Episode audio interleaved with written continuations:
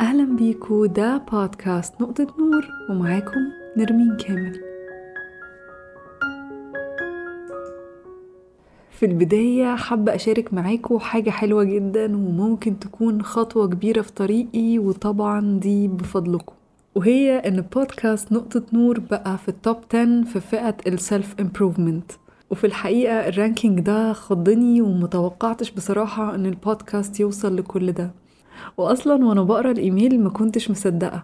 بودكاست نقطة نور بقى رقم خمسة في العراق وسبعة في المغرب وتمانية في ليبيا وعشرة في مصر وحداشر في قطر واتناشر في الكويت. وطبعا دي حاجة فرحتني جدا جدا فحابة أشكر كل شخص بيسمع البودكاست وكل شخص عمل تقييم أو review أو like على أي منصة بيسمع عليها البودكاست. وأنا ممتنة جدا ليكم وأتمنى دايما أن البودكاست يعجبكم ويكون بيقدم حاجة مفيدة تقدر تساعد أو حتى بيريح نفسيا. وتاني حاجة كل سنة وأنتم طيبين بمناسبة شهر رمضان ويا رب تكونوا متجمعين مع أهاليكم وحبايبكم.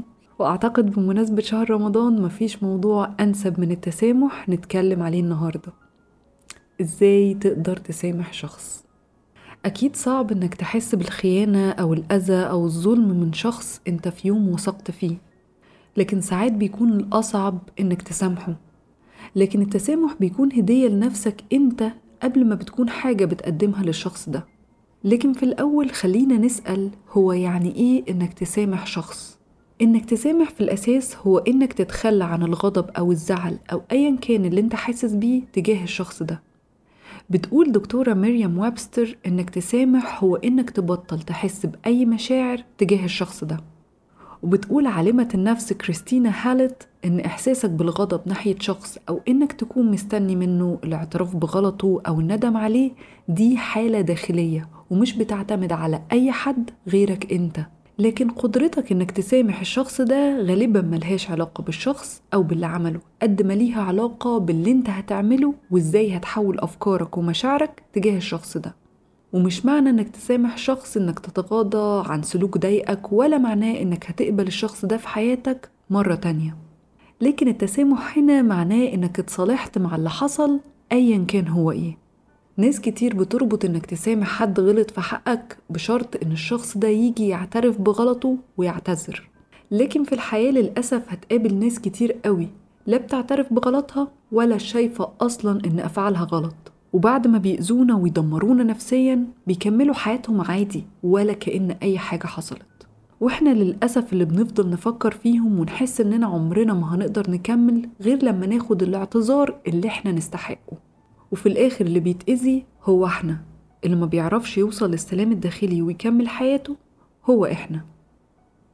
بتقول الدكتورة ريتشل زار إن مهم جدا إننا نفتكر إن طبيعي إننا نكره التسامح.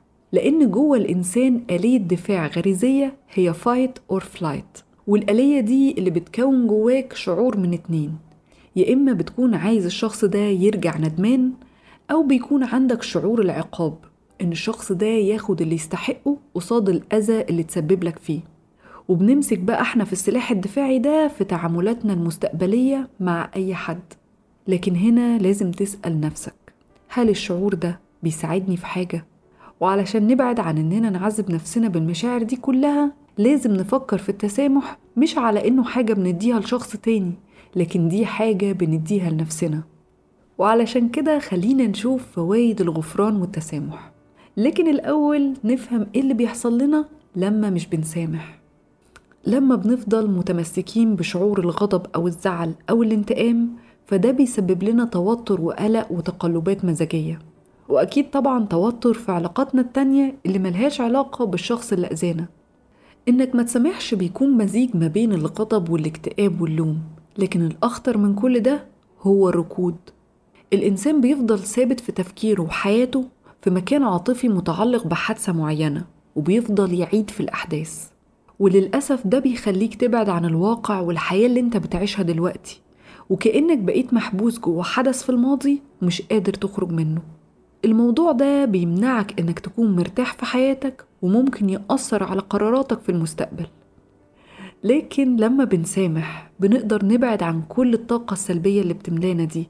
وبنوفر كمان طاقتنا ووقتنا اللي بيضيعوا في الأفكار اللي مش هتفيدنا التسامح في أساسه هو إنك ما تضيعش طاقتك على موقف معين أو على شخص معين لكن إزاي نطبق ده عملي؟ إيه الخطوات اللي المفروض نعملها علشان نوصل للتسامح؟ فخليني أعرض عليك عزيزي المستمع خمس خطوات للتسامح أول حاجة افهم سبب التسامح قبل ما تبدأ تفكر في الموقف اللي جرحك وليه حصل وإحساسك بالظلم أو الغضب وتتسحب جوه دوامة الأفكار خد خطوة لورا وفكر هو ليه لازم تسامح. كل الأفكار دي مش هتغير الواقع بالعكس هتشدك لتحت والحل الوحيد علشان تقدر تتخطى اللي حصل وتكمل من غير ما يكون في حمل على ظهرك يشدك لورا هو إنك تسامح. تاني حاجة اعمل تقييم للموقف أو الشخص اللي عايز تسامحه. ابدأ فكر في الموقف أو الشخص وحدد إزاي هتقدر تسامح حتى لو حاسس إنك فعلا مش قادر. ابدأ حلل مشاعرك وافهم أنت ليه حاسس بالحزن أو الظلم. هل أنت حزين علشان عايز الشخص ده في حياتك ولا زعلان على نفسك ولا زعلان علشان اديت ثقتك لحد ما يستهلاش ابدأ اعترف بكل مشاعرك في اللحظة دي واديها الحرية إنها تطلع. وبعد الاعتراف ابدأ بالتقبل. التقبل هو خطوة مهمة للتسامح وهو اللي هيخليك تقدر تبدأ صفحة جديدة في حياتك. تالت حاجة اشتغل على مشاعرك. التسامح بيحتاج شغل داخلي كبير وإنك لازم تنتبه قد إيه أنت متمسك بإحساسك بالغضب أو الزعل وليه بتعمل ده. ممكن يكون شيء غريزي إنك ما تبقاش عايز تسامح لكن لازم تدور عن السبب الحقيقي اللي مخليك تتمسك بمشاعر زي الغضب مثلا. هل انت متمسك بيها بدافع الخوف ولا الانتقام وازاي هتقدر تتخلص من الطاقة دي في حياتك وهنا بقى هتكون حاجة مهمة جدا إنك تبدأ تحول المشاعر السلبية لإيجابية إزاي؟ دلوقتي أنت حاسس بالزعل أو الغضب والمشاعر دي بتدمرك ومش بتستفيد منها ابدأ اسأل نفسك أنت تستحق إيه؟ تستحق مشاعر راحة تستحق مشاعر سعادة تستحق مشاعر أمان. طب إيه اللي هيحقق لك المشاعر دي؟ وابدأ حول تفكيرك على إزاي تحقق المشاعر الإيجابية وهتعمل إيه يفيدك افتكر دايما إن مفتاح سعادتك وراحة بالك في إيدك أنت مش في إيد حد تاني. رابع حاجة اختار إنك تتخطى وتسامح. بمجرد ما تبدأ تسكت الدوشة اللي جواك لما ترتب مشاعرك وتعترف بيها وتبدأ توجهها بشكل صح هتقدر تختار إنك تسامح. في النهاية التسامح ده اختيار. بتقول دكتورة ريتشل زار إنها لاحظت إن خطوة التسامح بتتضمن إنك تقول صراحة إنك مسامح فلان عن الحاجة اللي حصلت أو مسامح نفسك على حاجة عملتها. ومش شرط إنك تقول لكن ممكن تكتبها على ورقة وتقطعها أو تحرقها. كنوع من الاعتراف منك بالتخطي. هنا فكرة إنك توصل لمرحلة الاختيار إنك تختار نفسك وراحتك. بتختار التسامح لأنه ليك أنت قبل أي حد. خامس حاجة إنك تبقى مستعد للنكسات. مش بس علشان وصلت للمرحلة اللي فاتت تفتكر إنك كده خلاص تمام. لأن ممكن يحصل نكسات على طول طريق التسامح لأن ممكن المشكلة اللي حصلت قبل كده تحصل تاني. التسامح هيكون عملية مستمرة لأن ساعات بنحاول نبعد عن شيء بيأذينا لكن للأسف بتحصل حاجة بتصحي الماضي خليك دايما منتبه لأي حاجة بتحفز ذكريات مؤلمة أو بتفكرك بحاجة بتحاول تتخطاها وكل ما تلاقي نفسك بترجع لدوامة الأفكار اسأل نفسك أنا ليه هنا؟ أنا ليه بفكر في كل ده؟ وبعدين ارجع تاني واختار إنك تسامح اختار راحة بالك في النهاية إنك تسامح عمرها ما هتبقى حاجة سهلة لكن هي حاجة تستاهل إنك تحاول وتتعب علشانها.